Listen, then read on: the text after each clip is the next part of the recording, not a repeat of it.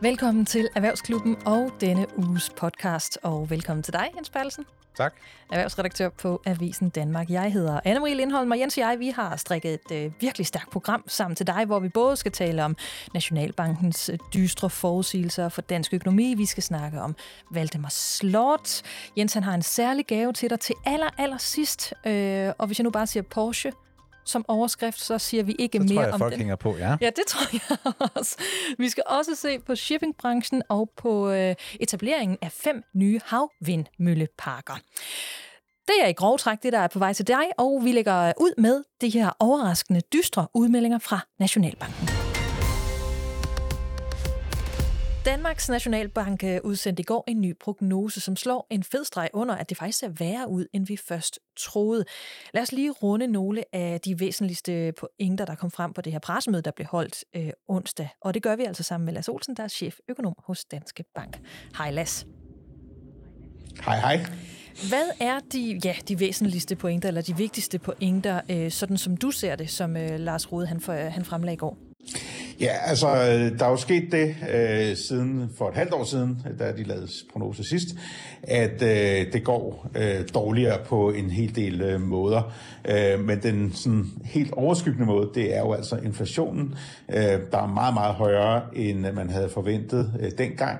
Øh, og øh, det har jo alle mulige betydninger. Blandt andet øh, betyder det jo, at vi bliver fattigere. Vi kan ikke købe lige så meget. Øh, og det øh, dæmper jo så hele økonomien, og dermed jo også øh, udløser, at vi står over for en afmatning eller en periode med, med både, altså, hvor der ikke rigtig er nogen vækst, og hvor øh, arbejdsløsheden også kommer til at stige. Og det er selvfølgelig ikke kun i Danmark, øh, men, men øh, sådan på tværs af især Europa, øh, og det påvirker så også os. Det betyder jo også, at den her høje inflation, at øh, renten kommer til at stige, øh, og øh, det dæmper jo så igen for eksempel øh, huspriserne. Men hvor markant er øh, eksempelvis afmatning, og i øvrigt også de andre ting, du nævner her, at sammenligne med øh, øh, altså ja, den sidste prognose, der blev udgivet. Er det, er det markant anderledes? Ja, det er noget af en øh, nedjustering. Og det er jo også lidt usædvanligt det her med, at man ligefrem forudser en afmatning. Altså vi plejer at sige, okay, men hvis Nationalbanken ved, at til næste år falder BNP og arbejdsløsheden stiger, øh, hvis man ved det allerede nu, så kan man jo gøre noget ved det. Så kunne man jo øh, øh, lempe for eksempel finanspolitikken øh, og, og på den måde undgå, at det skete. Og det vil man jo normalt også øh, gøre, og dermed kan man normalt ikke have en prognose om, at det går dårligt. Så svarer det lidt til at sige, jamen jeg har en prognose om, at når jeg kører på arbejde i morgen, så kører jeg ind i træ. Øh, okay, men hvis det er min prognose, ikke, så kan jeg jo ret nemt undgå det. Øh, så, så på den måde er det lidt mærkeligt, eller usædvanligt at have sådan en, en, en, en prognose om, at det går dårligt. Øh, men øh, det er jo fordi, at vi er i en situation, der ikke ligner andre afmatninger særlig meget, i hvert fald ikke de fleste af dem. Og den situation er jo netop denne her meget høje inflation. Den betyder, at, den, at man ikke kan øh, gå ud og ligesom understøtte økonomien med lavere renter og med øh, øh, hvad hedder det, øh, finanspolitik, altså gå ud og ligesom prøve at, at, at hjælpe folk, fordi så kommer der bare endnu mere inflation. Det, det, det, øh, man er simpelthen nødt til at, at, at gå med åbne øjne ind i en afmatning. Og Øh, køre og det direkte ind i det træ, der venter næste dag, du skal på arbejde. Ja, det var så, på den måde er det jo et dårligt eksempel, ikke? fordi at køre ind i et træ, det er jo åbenlyst øh, meget, meget, meget dårlig idé. Øh, at, at acceptere en periode med afmatning for til gengæld at få styr på inflationen, det kan sådan set være en meget god idé, så øh, man skal heller ikke tage parallellen øh, længere end som så. Men fortæller det noget om, at, øh, at øh, Lars Rude simpelthen ikke har tillid til, at politikerne har modet eller kræfterne til at, at rette op på den her ulykke, de kan se øh, forude? Nej, det, det, det gør det ikke. Altså det, det siger noget om, at øh, man på et tidligere tidspunkt burde have strammet mere op, og det er ikke bare politikerne, men det er så sandelig også øh, centralbanken. Nu i Danmark er det jo sådan lidt specielt, fordi den danske Nationalbank har jo altså øh, den opgave at fastholde kronekursen over for euro. Øhm, så i virkeligheden er det jo den europæiske centralbank, øh, som bestemmer, hvordan renten er i Danmark. Øhm, og det var den, der på et tidligere tidspunkt, set i bagspejlet, øh, burde have strammet mere op, øh, og på den måde undgå, at vi ligesom havnede i den her situation med, med for høj inflation. Øh, men altså, det er jo nemt at være bagklog, og, øh, øh, og, og nu står vi så der, hvor vi gør. Så nej, man kan ikke sige, det, det er fordi, han, han tror, at det vil at politikerne ligesom vil, vil, vil fejle. Øhm, men øh, der er jo en opfordring øh, fra Nationalbanken til, at politikerne skal stramme mere op, altså ligesom yde et bidrag også til at få inflationen ned øh, og faktisk, øh, hvad skal man sige, forstærke opbremsningen øh, ved at, øh, ved at øh, stramme finanspolitikken. Men som jeg lige har set morgennyhederne her fra morgenstunden af, så bliver det jo umiddelbart afvist øh, fra regeringens side, at, øh, altså at, at gå ind og, ind, og, ind og stramme op. Så hvad venter der så? Så kan det godt være, at de ikke går ind og lemper, men hvis de lader det være, som det er nu? Ja, yeah. altså ud fra Nationalbankens prognose, så, så går det alligevel, kan man sige. Så, så får vi så en periode, øh, hvor øh, altså inflationen vil blive ved med at være høj et godt stykke ind i næste år også, men altså så øh, falder tingene så på plads. Det er det, de forventer, der kommer til at ske, også uden opstramningen. Når de alligevel gerne vil have den opstramning, så er det fordi, de siger, jamen der er en risiko ved det her. Der er en risiko for, at øh, lønvæksten i Danmark den øh, stikker af, at øh, når vi skal forhandle overenskomster og sådan noget her i den kommende tid, at så kombinationen af en lav arbejdsløshed og en høj inflation, det vil virkelig sætte plus under lønkravene, øh, og så vil vi få øh, en, en uholdbar høj lønvækst i Danmark i forhold til i de lande, vi skal konkurrere med, øh, og det kan så hvad skal man sige, lægge grunden til den næste krise, som det sådan også førhen er sket. Det er det, de frygter. Øh, og så siger de, for ligesom at begrænse den risiko, så synes de, det ville være en god idé, hvis kan man sige, finanspolitikken blev skruet tilbage til 2019-niveauet øh, øh, i form af balancen mellem ud, øh, udgifter og indtægter. Så, så det er det, der ligger i det, men øh, som du siger, det virker ikke til at være noget, der er særligt stor politisk stemning for. Nej, nu det her jo så også øh, Nationalbankens øh, prognose. Der ligger jo en anden prognose fra Finansministeriet, dog lidt ældre selvfølgelig, men som ser pænere ud. Hvad hælder du til? Altså, hvad, hvilke af de to prognoser hælder du mest til ja. at blive rigtigt? Ej, der må man jo nok sige, at Nationalbankens øh, er nyeste øh, og har dermed ligesom bedre kunne tage højde for den der meget store stigning i inflationen, der er kommet øh, på det seneste. Så, øh, så den, så den øh, ligner klart mest det, vi kunne finde på at sige også på nuværende tidspunkt. Men det er jo alligevel overraskende. Det her det må også have overrasket dig, for vi har jo øh, flere omgange, både med dig og nogle af de andre af dine øh, hvad hedder det, kommentatorkollegaer, chefanalytikerkollegaer, øh, talt om et andet scenarie, som ikke var helt lige så øh, øh, dystert som, som det, vi ser nu. Altså, hvad er det egentlig, der har overrasket os alle sammen? Ja, altså det, der har overrasket øh, os, det er først og fremmest, at inflationen er øh, blevet så voldsomt høj. Øh, det, øh, det må jeg jo øh, blankt erkende, at det havde vi simpelthen ikke set komme, øh, og det var der så så mange det havde de fleste andre heller ikke. Øh, men nogen havde trods alt, så, så på den måde kan vi jo lære noget af det. Øh, men øh, i hvert fald, så, så den der meget høje inflation, jamen den betyder nemlig to ting. Ikke? For det første udhuler den jo øh, købekraften. Altså forbrugere i ind- og udland har jo bare ikke råd til at købe lige så mange ting, øh, når nu de bliver så meget dyre. Øh, og øh, det dæmper jo så efterspørgselen også efter danske varetjenester. Og så betyder den også, den høje inflation, at øh, rentestigningerne øh, bliver øh, kraftigere end øh, Øh, hvad vi tidligere havde regnet med, øh, og det dæmper jo også økonomien, øh, og blandt andet også øh, boligmarkedet. Så i nødskal, så det der er sket, det er den der meget høje inflation, som selvfølgelig til dels har noget at gøre med krig og sanktioner og gas og alle de her ting, det er jo en del af forklaringen, men det er ikke hele forklaringen. Der ligger altså også noget økonomisk i det, øh, ubalancen mellem, hvor mange penge vi har, og hvor mange ting, der findes, vi kan købe for de penge. Mm. Altså jeg tror helt umiddelbart, så sidder der, helt, øh, så sidder der mange almindelige danskere derude, der foretrækker den lempelige finanspolitik lige nu, fordi de er så hårdt ramt øh, på, på pengepunkten. Pengepunkten blandt andet på grund af den inflation, du nævner, øh, nævner her. Men hvad for en virkelighed vil der egentlig vente dem? Altså hvis øh, ja, at regeringen øh, lempede lidt, og der kom øh, lidt flere penge ud af, ud af, ud af arbejde, altså hvad er det så for en virkelighed, vi ser ind i? Hvorfor er, at det scenarie værre end, end det, vi står og kigger ind i nu?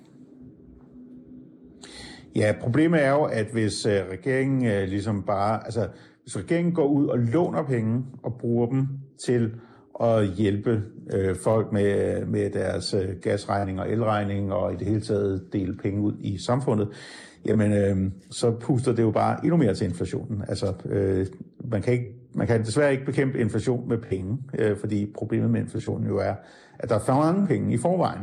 Øh, så, så, så, så vil man øh, altså skubbe til øh, den danske del af inflationen, og man vil også øh, bidrage til den der udvikling, som Nationalbanken er bange for, nemlig at, øh, at, at lønningerne øh, i Danmark de så begynder at stige meget mere end i udlandet, øh, som potentielt kan udløse et problem hen ad vejen. Men altså, øh, det, så, men på den anden side set, så er det jo meget, meget øh, logisk, at man gerne vil hjælpe folk i, i den her situation, og specielt fordi, at det jo rammer øh, utrolig skævt. Der er jo for det første mennesker, der får en gigantisk regning, øh, fordi de øh, er så uheldige at bruge en opvarmningsform, der er dyr for eksempel. Øh, og der er jo også mennesker, der måske øh, øh, på, i forvejen har meget svært ved at få enderne til at mødes, og hvor, hvor det simpelthen slår helt hul i, i økonomien, når, når så øh, inflationen tager det her hop.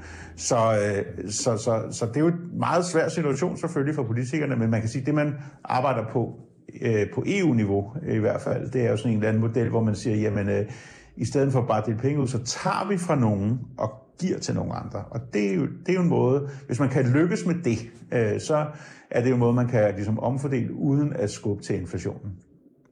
Men hvis nu, der nu lige sad en enkelt derude og tænkte, jeg gider ikke at høre mere om det krisesnak der, hvornår er det hele overstået. Hvad, hvad, Nationalbanken var jo lidt inde på det. Hvad, hvad tror du, vi skal læne os op af? Hvornår begynder vi sådan at, at sige, at nu er der styr på inflationen, og vi har igen øh, den BNP-vækst i Danmark, vi gerne øh, vil have? Ja, altså jeg, min forventning er, at inflationen i løbet af, altså hen mod slutningen af næste år, er, er blevet væsentligt lavere.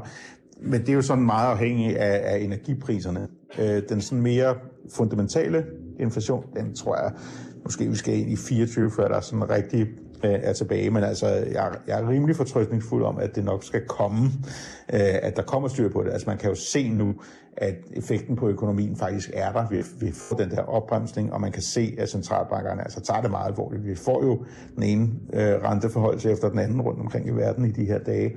Øh, og, øh, og, og det burde jo altså være, være nok til, at, at man så øh, får det under, øh, under kontrol. Så, så jeg, jeg, jeg, jeg tror altså rimelig meget på, at, øh, at det nok skal, skal lykkes, men, øh, men det tager altså nok lige et år eller to, øh, før vi er ude på den anden side. Men jeg synes altså også, det, det er vigtigt lige at sige, der er altså også en hel del ting, der går godt. Øh, fordi nu snakker vi rigtig meget om inflation, og det er jo fordi, øh, blandt andet, at det er jo noget, vi alle sammen mærker. Altså, jeg tror, der er meget få mennesker i Danmark, der har en bedre økonomi nu, end de havde for et år siden. Øh, fordi at, at de her prisstigninger jo, jo gør os fattigere. Men der er trods alt nogen, og det er jo blandt andet øh, de rigtig mange mennesker, der er kommet i arbejde. Øh, fordi arbejdsløsheden er jo altså meget, meget lav. Øh, og det er jo trods alt en rigtig positiv ting. En anden positiv ting er, at, vi, at gennemsnitsdanskeren faktisk har en meget stor opsparing. Det ved jeg godt, det kan man ikke bruge til så meget, hvis man nu ikke er en af dem, der har den store opsparing. Men altså i gennemsnit er der meget at tære på, og det er altså også noget, som, som giver os noget at, at stå imod med. Og den afmatning, vi snakker om, for eksempel i denne her prognose, det er altså ikke en finanskrise om igen. Øhm, det er en stigning i arbejdsløsheden, ja, men altså ikke en særlig eksplosiv stigning, trods alt. Så ja, det er ikke, det er ikke en god situation, vi er i, øh, men øh, så er det altså heller ikke værd. Med lyset forude i horisonten vil jeg sige tak, fordi du var med her i Erhvervsklubben. Lasse Olsen, cheføkonom hos Danske Bank. Selv tak. Rederierne har spundet guld på pandemiens logistiske kaos, men nu er magtbalancen langsomt ved at tippe til kundernes fordel. Det har flere virksomheder i hvert fald tænkt sig at udnytte efter to år med de her sky høje fragtpriser, store forsinkelser og tvivlsom kundeservice. Det skriver Finans i denne her uge. Jens, jeg vil egentlig gerne lige begynde med dig, fordi hvad er det, det betyder for, eller hvad er det, det har betydet for dansk erhvervsliv øh, med det her store fragtbehov, og at priserne så oveni har været historisk høje? Ja, så mens øh, AP Møller Mærsk for eksempel har slået Danmarks rekord i, i milliardoverskud, jamen så har deres kunder jo stået tilbage på, på kajen og rykket sig i håret over de priser, de skulle betale. Øh, vi har før talt om de små kunder, som, som sådan er på spotmarkedet og skal øh, bestille en, en container fra gang til gang, og hvor øh, de nærmest ikke har råd til det, fordi priserne pludselig er, er mange dobbelt. Men de store kunder, de, øh, de har jo de her sådan faste kontrakter med rædderierne, og de kan jo så være indgået nu på et tidspunkt, hvor fragtretterne har været øh, høje, og her kan man så begynde at se, at det rumler lidt hos de kunder, at de siger altså stop, at øh, selvom kontrakten er underskrevet og det hele, så vil de altså genforhandle priserne, øh, fordi priserne nu, øh, nu falder ret drastisk. Nu har vi hul igennem til Mikkel, Emil, øh, Mikkel Emil Jensen, der er senioranalytiker hos øh, Sydbank. Hej Mikkel. Hej, hej. Når du kigger på de her danske rædderiers situation lige nu, også Mærsk, altså hvordan vurderer du så de her danske virksomheders chance for at få sænket fragtpriserne? Jeg synes, der er, der er gode chancer. Øh, som vi siger, så er magtbalancen jo langsomt ved at vende. Vi har faldende efterspørgsel efter varer, og der er den her gradvise opløsning af, af flaskehalsene. Så fra hvor det tidligere var øh, rædderierne, som havde hænderne på rettet i forhandlingssituationen, så begynder det nu at, at, at vende, og, og det begynder nu i højere grad at være kunderne, som, som kan lægge pres på, på, på rædderierne. Øh, og vi ser jo de her kraftige fald i, i, i, i, øh, i spotraterne, og det er selvfølgelig noget, man, man nyder godt af øh, med, med det samme, hvis man har, har, har, har fragt på, på, på den øh, type af fragt. Øh, så, så de virksomheder, der, der er på spotmarkedet, de mærker selvfølgelig effekten øh, med det samme. Men, men de øh, øh virksomheder, som, som har kontrakter, som I også nævner, der er der altså også noget, der tyder på, at, øh, at forhandlingsstyrken nu begynder at være så stærk, at man kan begynde at få genforhandlet de, øh, de kontrakter, selvom man som udgangspunkt jo faktisk skal leve op til de kontrakter, som er indgået. Altså Mærsk siger jo i den her artikel fra Finans, øh, at de kan, de kan ikke mærke tendensen. Tror du, det er, er rigtigt? Ja, altså som udgangspunkt, så, så tror jeg selvfølgelig på, på, på det, de siger. Øh, der kan selvfølgelig være nogle, nogle årsager til, at de ikke mærker tendensen så høj grad, som nogle af deres konkurrenter gør i, i øjeblikket. Øh, og en af årsagerne kan være, at man, øh, da tingene så mest sort ud, øh, der, der har Mærs måske været mere tilbøjelig til at sige til sine kunder, jamen hvis vi hjælper dig nu, øh, så husk os lige, når tingene de vender. For der er ikke nogen, der regnede med, at, øh, at øh, de der ekstremt høje fragtrater vil være ved. Og Mærsk har måske været lidt forudsigende i forhold til, jamen vi skal også have kunder, når vi kommer på den anden side af det her. Så de har måske ikke udnyttet situationen i så høj grad, som mange af deres konkurrenter har, øh, da tingene var, var, var, var værst. Øh, og i den forbindelse har man måske været lavet en, en lidt bedre øh, kontraktforhandling med, med kunderne, øh, hvor man, når tingene så vendte, jamen så, så, kunne, øh, så skulle kunden også lige huske Mærsk i, i den situation. Så det kan være, at der er et lidt mindre pres fra kunderne, som følger af det.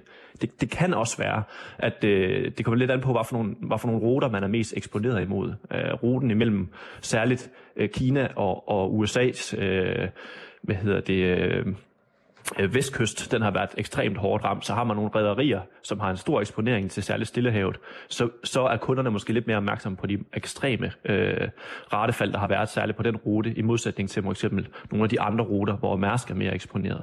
Det kan også være en af årsagerne. Så det, jeg tror egentlig som udgangspunkt, at Mærsk nok er, er lidt mere bag kurven, øh, men fordi vi også ved, at alle virksomheder har fokus på det her. Alle virksomheder, alle der er inde og, og har noget med logistik øh, at gøre, altså som kan man sige, øh, deres indkøb og indkøbsforretninger, dem der forhandler øh, omkring øh, logistik og transport, det er noget, som der virkelig er fokus på i øjeblikket. Så det skulle være mærkeligt, at Mærsk ikke også i den nærmeste fremtid også begynder at mærke et, et stigende pres. Men hvad vil det betyde altså for de store danske spillere på, på det her marked? Altså hvis priserne de begynder at falde, øh, falde mærkbart, altså nu tænker jeg jo især på, på ja, vi kan jo bare begynde med Mærsk. Ja, altså spotmarkedet, det, det, man, det vil man jo kunne, kunne, øh, kunne mærke øh, med det samme. Øh, det påvirker øh, øh, øh, kan man sige, indtjeningen på, på spotmarkedet med det samme. Øh, det som også det, det som de faldende spotrater også gør, det er, at jamen, de kontrakter, der så er udløbet nu, øh, og som skal genforhandles, kan man sige, normalt hen over efteråret her, de vil jo så selvfølgelig blive forhandlet til, til væsentligt lavere niveauer. Øh, der, hvor det bliver interessant og øh, særligt spændende at følge, det er jo på de kontrakter, som er lidt længere, som er et halvt år, eller et år, eller måske helt op til tre år. Altså de her lidt længere kontrakter, som jo blev indgået i en periode, hvor markedet var, var lidt i panik øh, og hvor man jo søgte med lys og lygte efter at få plads på skibene. Øh, I den periode, der gik Mærsk jo også fra cirka 50 procent af, kontrakt, øh, kan man sige, af sine øh, volumer, øh, som var på kontrakter, til nu 71 procent på, øh, på kontrakter. Og det, der bliver interessant, det er jo, jamen, kan de kontrakter så øh, holdes, øh, når, vi, øh, når vi øh, ser, at retterne er, er faldet så kraftigt, som, som de er på det seneste. Og det er der noget, der tyder på, at de, de ikke kan. Man kan sige, i, i historisk kontekst, der har containerraterne, eller hvad hedder det, container fra kontrakterne heller ikke været særligt pålidelige. Vi har set i, i øh, øh, tidligere i historien, at, at de her kontrakter, de simpelthen falder fra hinanden. Og situationen i dag er en væsentlig anden, altså øh, set øh, man kan sige med positive øjne for, for, for, for, for, for, for, for kunderne, fordi øh, når raterne er faldet så kraftigt, som de er på så kort tid, så er det rigtig svært at forestille sig, at de her kontrakter, de kan, de kan opretholdes. Mm. Øh, så så øh, Øhm, man kan sige, det, det som øh, som jeg sagde før, man er jo i så god ret. Altså en kontrakt er en kontrakt, så Mærsk kan godt sige til kunderne, jamen øh, vi har jo indgået en kontrakt, og I skal levere de varer, som vi har aftalt, ellers så, øh, så får I en økonomisk øh, straf for det.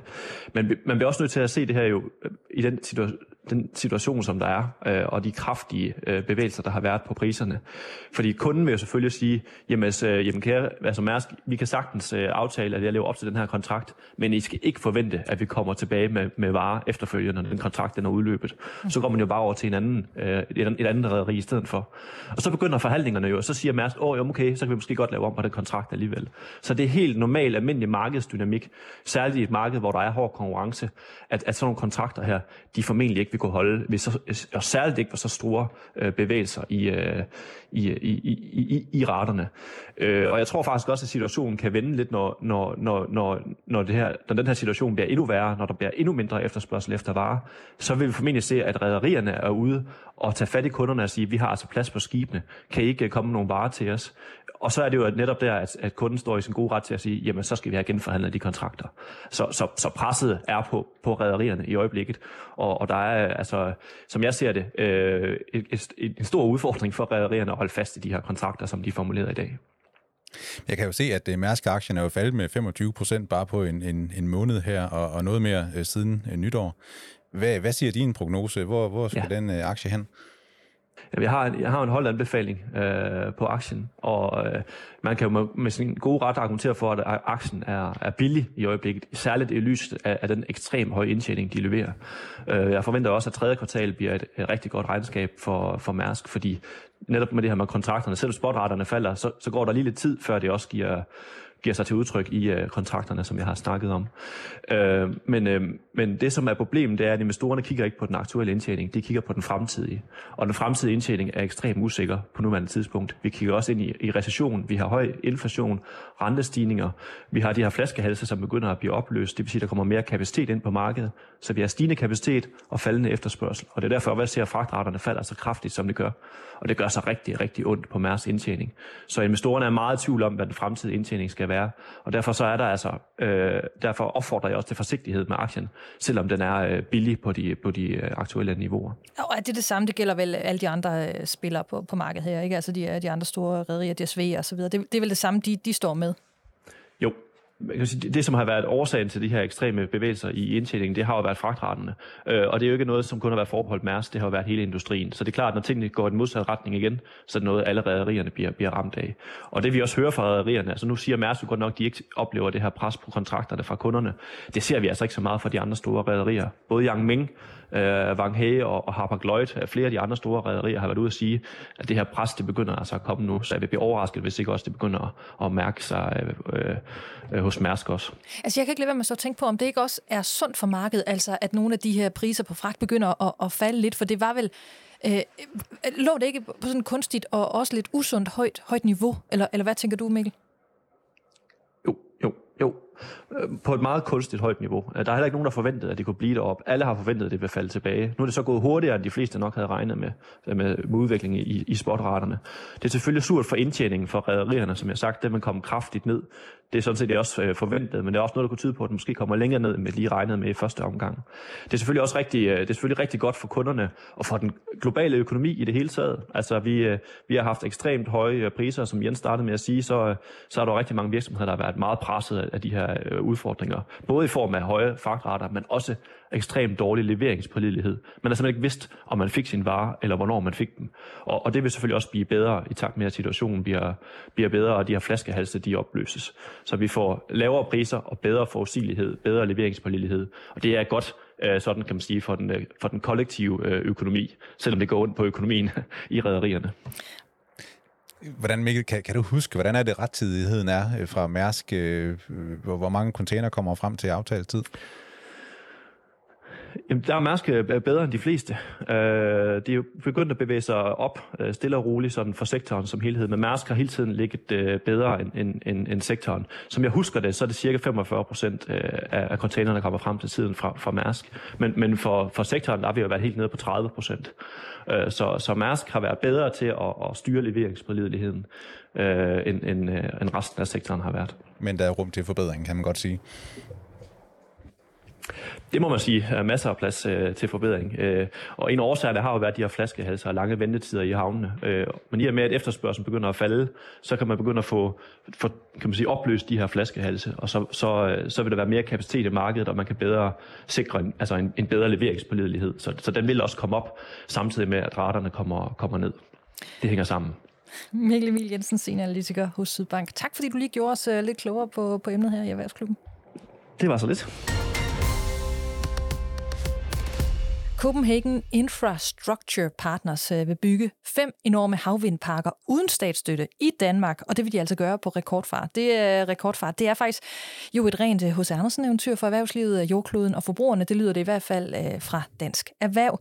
Lyder det også sådan fra dig, Jens? Nej, men det er da bestemt værd at lægge mærke til, når sådan en, en seriøs spiller som CIP melder ud, at de allerede i øh, 2027, altså det er jo sådan om 4-5 år, der vil de kunne hive strøm ud af den første af de øh, havvindmølleparker, som de vil øh, rejse. I Danmark er det sådan ligesom vedtaget, at det tager 9 år, og fra man begynder at planlægge en havvindmøllepark, og så til den står ude på, på havet. Så der skal ske rigtig meget, hvis det, det, det skal kunne lade sig gøre, specielt med myndighedsgodkendelser, hvis, hvis vi skal nå dertil. Men hvor langt er det lige, vi er kommet? Altså når havvindmølleparker, de lige pludselig kan rejses uden statsstøtte? Jamen, det er så her, den egentlige revolution ligger, eller hos Andersen eventyret om, om du vil, fordi øh, da man øh, tilbage i 2010 skulle planlægge Anholdt øh, Havvindpark, der kom der 10 milliarder kroner med i tilskud fra, fra statskassen. Og nu taler vi så om, at øh, CIP her, de vil bygge op til, til 15 gange så meget havvind, uden øh, nogen som helst form for, for tilskud, fordi grøn energi er en øh, super god forretning i dag med, med udsigt til et virkelig godt afkast til investorerne. Mm. Hvad hedder det? Nu, og, nu har vi Per Få med, som er aktieanalytiker hos øh, Sydbank. Hej Per. Hej med Altså det, det her, vi taler om, det smager jo en hel del af, af Ørsted også, og du dækker jo Ørsted i din analysedækning, og derfor vender vi også tilbage til Ørsted. Vi skal bare lige tale øh, lidt mere om det her projekt først, fordi hvor stor en betydning vil du mene, at de her far, øh, fem havvindparker, de kan få? Ja, det kan få, øh, få, få stor betydning for, for selvfølgelig den, den grønne øh, strøm fra, fra Danmark, og hvad vi kan sende ud i, i de europæiske ledninger, øh, og bidrage med til, til, til løsrivelsen af den russiske gas øh, og den energikrise, som vi står i pt. Så der er ingen tvivl om, at at øh, kunne man have stillet de møller op for, for fem år siden øh, på den her måde her, jamen så, så havde situationen selvfølgelig set en lille smule anderledes ud. Men, men ikke desto mindre, så, så, så ville det har betydet rigtig meget for, for, for, for Danmark, og det, og det bliver også øh, spændende at se, hvordan, øh, hvordan det her det kommer til at, at skulle lykkes. Altså så hvis vi legede, at øh, ja, vi står i den her energikrise, det gør vi, så det er ikke en leg, men hvis vi legede, at de her fem havvindmølleparker, de allerede var her, så ville, så ville vores situation faktisk være anderledes. Ja, det vil den jo i, i, i det fald, at, øh, at vores udbud af, af energi øh, vil være større, ikke? Og, og på den måde øh, vil, vi, vil vi have mere at bruge af. Øh, jeg, jeg, jeg siger ikke, at den ville have været undgået, hvis de her havvindmøller ville have stået der. Det, det, det, det tror jeg simpelthen ikke. Øh, og, og, men det ville da have haft betydning, i og med, at vi ville have haft et større udbud af, af, af grøn energi. Mm. Altså målet er jo, at de her parker de skal stå færdige, som Jens også siger, i 2027, og det er, jo, det er jo lige om lidt. Synes du, det lyder realistisk ud fra de oplysninger, vi har, og, og den historik, vi jo også har i forhold til at få, få lignende havvindmøller øh, opsat i en fart? Det kommer rigtig meget an på, som Jens også er inde på, de her myndighedsgodkendelser. Øh, der er ingen tvivl om, at det, der har været det, det, det, svage punkt i, øh, i udbygningen af, af havvind, jamen det er generelt øh, myndighedsgodkendelser, øh, undersøgelser, øh, høringer øh, og hvad ved jeg, som, som de forskellige projekter skal igennem, for at det kan blive godkendt. Og det, det er det, der tager rigtig, rigtig mange år. Jens, hvad... øhm, så, så det vil helt sikkert kræve en, en, en meget stor velvillighed fra, fra politikerne, øh, for ligesom at få det her til at kunne lykkes okay. øh, i den fart, som de ønsker det. Men hvad siger, hvad siger CIP øh, selv, øh, Jens? Altså, hvad, hvad, hvad, hvad giver de selv som forklaring på, hvordan de vil sikre, at det her det kommer til at gå så stærkt? Jamen, øh, vi skal næsten have den der krølle med, at øh, de her mænd, der står bag CIP, de er jo øh, de her guldfugle fra Dong Energy, som vi havde op at vinde i, i erhvervsklubben for nylig, fordi de tjener sindssygt mange penge, både til sig selv, men også til deres investorer. Og det var jo sådan, de udviklede, de udviklede jo deres sådan, koncept med at bygge havvindmølleparker, da de var ansat i, i Dong, det der senere blev til, til Ørsted. Og øh, de blev fyret under stor mediebevågenhed, fordi øh, det gik op for øh, bestyrelsen, hvor, hvor sindssygt gode vilkår de, de havde. Og det kunne man altså ikke leve med i sådan en, en statsdejet eller statskontrolleret virksomhed. Men altså i dag, der, der står de jo, der står øh, CEP jo, jo stærkt og slår på den her store erfaring, de har med. De har tiltrukket investorer, der, der er klar med et 60 milliardbeløb til at, at føre de her planer ud i livet. Så, så de, øh, man skal nok holde øje med, hvad de, hvad de siger. Ja, de har prøvet det før, så det her det kan, de, øh, det kan de også godt gøre igen. Per, er det her så gode eller dårlige nyheder for Ørsted? Jamen i min optik er det her gode nyheder, fordi hvis det medfører, at, øh, at, at politikerne generelt i, i både Danmark og Europa kan blive mere velvillige, og, og vi kan få forsimplet mange af de her processer, øh, som, som det kræver for at få øh, opstillet havvindmøller, så vil det også kunne betyde, at Ørsted kan sætte langt flere af deres møller op hurtigere, øhm, og, og dermed også få, få flere projekter i bøgerne. Øhm, så, så altså, i min optik er det, er, det, er det meget positivt. Det, at det er, er subsidiefrit, øh, og, og, og de ligefrem øh, ikke skal have, have, have støtteordninger for at komme igennem det, det er jo i min optik ikke noget revolutionerende. Det har vi jo set førhen, øh, senest med, med, med det danske udbud af, af det her Tor-projekt, øh, som jo faktisk indbringer staten lige underkanten af 3 milliarder øh, kroner øh, over den levetid, som det har. Øh, så, så, så det er som sådan ikke noget, der, der er nyt i det. Det, der skulle være en, en, en stor fordel for, for, for Ørsted også, jamen, det skulle være processen i det, at man kan få nedbragt øh, hele, hele den, øh, den, den, den måde, som, som, som øh, havvinder øh, generelt øh, er blevet tildelt på, og, og så videre. Men kan Ørsted ikke blive troet? Altså sådan en smidig operatør, der pludselig melder sig på banen? Jo, de er allerede en, en konkurrent i dag. Øh, SIP de har projekter i, i USA øh, og, og byder også ind, øh, som oftest der, hvor, hvor, hvor Ørsted øh, byder ind. Så, så det, øh, det, det er for mig ikke noget nyt i det, at, at de vil ind og opstille de her øh, havvindmøller her. Og at de mener, at de kan stille dem op på, på, på, på, på, på den her kort tid, og at de ønsker at gøre det, jamen det kan jo også skubbe til politikerne at få, få, få dem øh, til at, og, og ligesom at rykke på det. Øh, og ikke desto mindre, så må det jo skulle, skulle igennem en, en, en, en, en eller anden form for udbudsproces gratis, øh, sådan at andre også kan få lov til at byde ind på det her. Hvis, hvis ikke alle bare kan få lov til at stille det op, de gerne vil. Nej, man må også sige, at timingen den er god. Altså, den er med dem. Helt sikkert, helt sikkert. Altså øh, appetitten på, øh, på udbygningen af, af den grønne omstilling og grøn energi generelt, jamen den, den er jo meget, meget høj i og med, at vi, vi skal løsrive os fra den her russiske gas, og vi ser den her energikrise og mangel på elektricitet og, og enormt høje energipriser og generelt el, øh, elpriser. Ikke? Så, så ja, timingen er, er rigtig god øh, og, og kan godt øh, være med til at lægge lidt pres på politikerne. Ja, apropos pres på politikerne. Jeg så Henrik Andersen, øh, topchefen i Vestas, han skrev på LinkedIn i, i sidste uge, at nu skal øh, politikerne øh, op, op i tempo, at i EU, der er der i øjeblikket fire gange mere vindkapacitet, der er fanget i tilladelser, altså myndighedsgodkendelser, end der er under opbygning og under konstruktion. Øhm, så det siger lidt om, hvad, hvad udfordringen er. Hvad er din vurdering? Kommer der til at ske noget, der er mærkbart sådan i forhold til, til tidsplaner? Ja, det tror jeg. Uh, det tror jeg, de er nødt til, for ellers så, øh, så går det ikke hurtigt nok uh, med at kunne uh, løsrive sig fra, fra nordiske gas. Og, og mange andre øh, udbyggelser af, af energi, jamen det vil jo enten være sort, øh, eller det skulle være atom, øh, som jo også er en, øh, er en måde at gå, men, men som oftest vil det tage meget længere tid at opbygge ny atomkraft end en, en, øh, en, en, en havvind. Øh, så skulle det være rektorer, der, der, der ligesom står stille, så man, man kan starte op igen. Men ikke desto mindre så så vil det kræve, at, at der bliver speedet op på, øh, på, på mange af de uh, processer, som, uh, som, som vi ser også i EU uh, særligt. Uh, så, så ja, det tror jeg helt sikkert, der kommer til at ske noget. Fogh, aktieanalytiker Sydbank. Tusind tak, fordi du er med i Erhvervsklubben i dag. Selv tak. Onsdag kom en øh, lang række af inventaret fra Valdemar Slot på aktion. Inventaret det forsvandt jo fra Valdemar Slot, da Karoline Flemmings øh, søn, Alexander Flemming, overtog den her råderet over det i forbindelse med, at lillesøsteren Louise Albinus købte slottet af Karoline Flemming. Det her, øh, nå ja, og Alexander selvfølgelig. Det her det er en historie, vi har interesseret os for tidligere i podcasten, fordi Valdemar Slot jo bare er, ja, det er erhvervshistorie, det er kulturarv, og det er ret unikt. Slottet det blev tømt for alle værdier, men onsdag der havde Louise Albinus så annonceret, at hun ville prøve at købe købe så meget inventaret tilbage som muligt. Og med os har vi nu Finn Eriksen, der er journalist på Fyns Amtsavis, og han har dækket Valdemar Slot intensivt i mange år. Hej Finn. Hej. Øhm, Louise Albinus mødte jo personligt op til aktionen onsdag. Hvorfor gjorde hun det? Ja, men hun havde ventet en hel dag øh, sammen med sin mand Nikolaj Albinus, og deres rationale var ligesom, at hvis hun dukkede op, øh, og tilkendegav, at her var der noget, hun var interesseret i, så kunne det måske holde andre fra at byde. Ja, det var, det var egentlig logikken bag.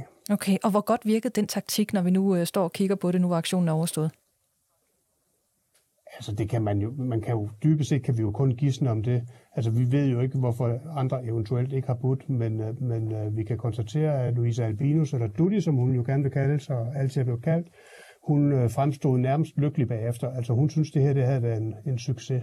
Ja. Altså hendes klare fornemmelse af, var, at der var folk, der holdt sig pænt tilbage, når de, når de uh, så, at, at hun var inde og smed nogle bud. Og jeg sad også og kiggede med på den aktion i går. Jeg fulgte både via vores øh, eget site, Avisen Danmark, jeg fulgte med på BT, og jeg fulgte, også med på, på hjemmesiden af Brune Rasmussen, som i øvrigt blev ved med at gå ned, så det var, det var helt forfærdeligt. Men der lignede det jo, at hun øh, deltog i masser af budrunder. Altså hun var med på rigtig mange af dem, men hun tabte også en del. Øhm, hvad ved vi nu om, hvad der skete på den her aktion? Altså, vi, vi ved, at, at, at hun Altså det, det er jo klart, at i princippet vil hun vel forsøge at købe nærmest det hele, hvis det kunne købes rigtig billigt. Så, så nogle af de ting, hun har budt på, har måske, altså der hun formentlig stået hurtigt af. Øh, men vi ved, at hun bagefter sådan var meget fokuseret på, på de ting, hun faktisk havde lykkes med at købe. Mm. Altså hun, hun brugte 1,2 millioner, det er jo immer væk en slags penge, men hun, hendes vurdering var også, at hun havde fået noget for dem. Altså de, de ting, der var aller, lå hende allermest på sinden, og det var typisk sådan familiemalerier, øh, slægtning og så videre, malerier og slægtning. Øh, dem, så, sådan overordnet set, så lykkedes det faktisk hende at lande dem, og mm. det, det havde hun meget fokus på. Er, er du egentlig overrasket over mange ting, hun endte med ikke at få?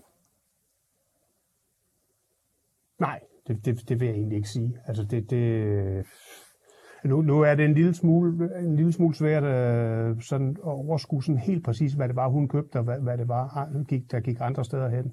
Men, men nej, altså hun, øh, nej, det, det vil jeg egentlig ikke sige, ja. Altså man får ikke det hele, og hun, og hun, gik, hun gik jo ind med, med altså velvidende, at der, der var grænser for, hvor mange penge hun også havde at bruge af.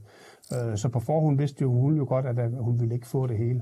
Øh, og sådan gik det jo også. Der blev solgt for, var det 8,3 millioner, øh, og, og de penge har hun i hvert fald ikke. Så, så det var vel forventeligt, at hun ikke kunne få det hele.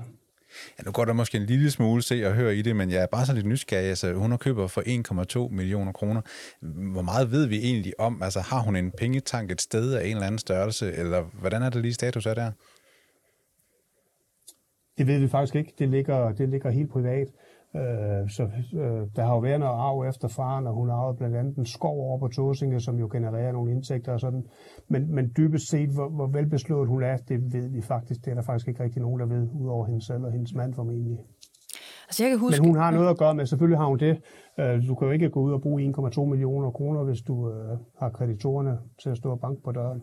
Efter at have købt et helt slot også, ja. Også det, ja. Men det er jo, det er jo øh, kreditforeningen, der har finansieret langt hen ad vejen, må vi antage. Altså, jeg var overrasket over, hvor mange af de her genstande, øh, der blev solgt, øh, faktisk gik til over udbudsprisen. Er der nogen af, af jer to, altså, som er overrasket over, hvor populære de her genstande de alligevel viser at være, og hvor meget folk var villige til at betale for dem? Lagde I mærke til det? Ja, det lagde jeg faktisk godt mærke til. Ja, er du også altså, overrasket? Blandt var der et maleri, som var Ja, det er egentlig. Var et maleri, der var vurderet til 40-60.000, og så ligger man vel typisk et eller andet sted der omkring, men det gik til 160.000. Der var mange ting, som blev budt rigtig, rigtig højt op. Ja. Så ja. Og, og, og... Det, det var vel overraskende. Og det får mig også til at tænke på, for vi har jo talt om det her før, hvor vi, hvor vi egentlig lidt, øh, alle tre har stået og været sådan lidt, øh, lidt, lidt triste over, øh, hvad, hvad der er sket med Valdemar Slot, og en familiestrid på den måde kan, kan komme ud af, af kurs, som det, det er kommet her. Når du ser på de ting, som vi nu bare ved definitivt er forsvundet fra Valdemar Slot, Oh, ja. er, er du så stadigvæk øh, trist, øhm, øh, Finn? Eller, eller er du mere på Dudis hold? Altså, i det mindste, så kan vi godt være lidt taknemmelige over det, hun så endte med at få. Altså nej, jeg synes, det her det er en tragedie. Altså, jeg synes, jeg, jeg synes det, er, det er helt forfærdeligt, at hvad 400 års øh, historie, helt enestående historie, det nu er spredt for alle vinde, for størstepartens vedkommende. Jeg, jeg synes, det er dybt trist. Det, det må jeg sige. Og, og det er jo svært at se, hvad, hvad kan det der slot så nu, hvis det ikke er fyldt med de der genstande. Det er jo fint nok, hun kommer hjem med, med, med hvad hedder det, Happengud for 1,2 millioner kroner, ikke? Men det er jo kun en brøkdel af det, og det kan jo ikke fylde et slot ud. Så det, jeg synes, det er trist, det må jeg sige. Når vi kigger overordnet på det, så, så kunne det her sådan set også være gået meget værre, for det er jo slet ikke sikkert, at, øh, at slottet ville være endt på, på Dudis hænder, som, som det er nu. Øh, Finn, kan du lige prøve at se, binde en sløjfe på den her del af historien, fordi øh, ja, som jeg siger, det kunne være gået langt værre. Ja, altså, altså lensbaronen øh, Nils Krabbe Jule Brockdorf, Øh, han døde jo i 2017, men tre år forinden havde han faktisk fået tinglyst en servitut, der sagde, at hans yngste datter, Dudi, skulle have forkøbsret på slottet i det tilfælde, det måtte blive sat til salg.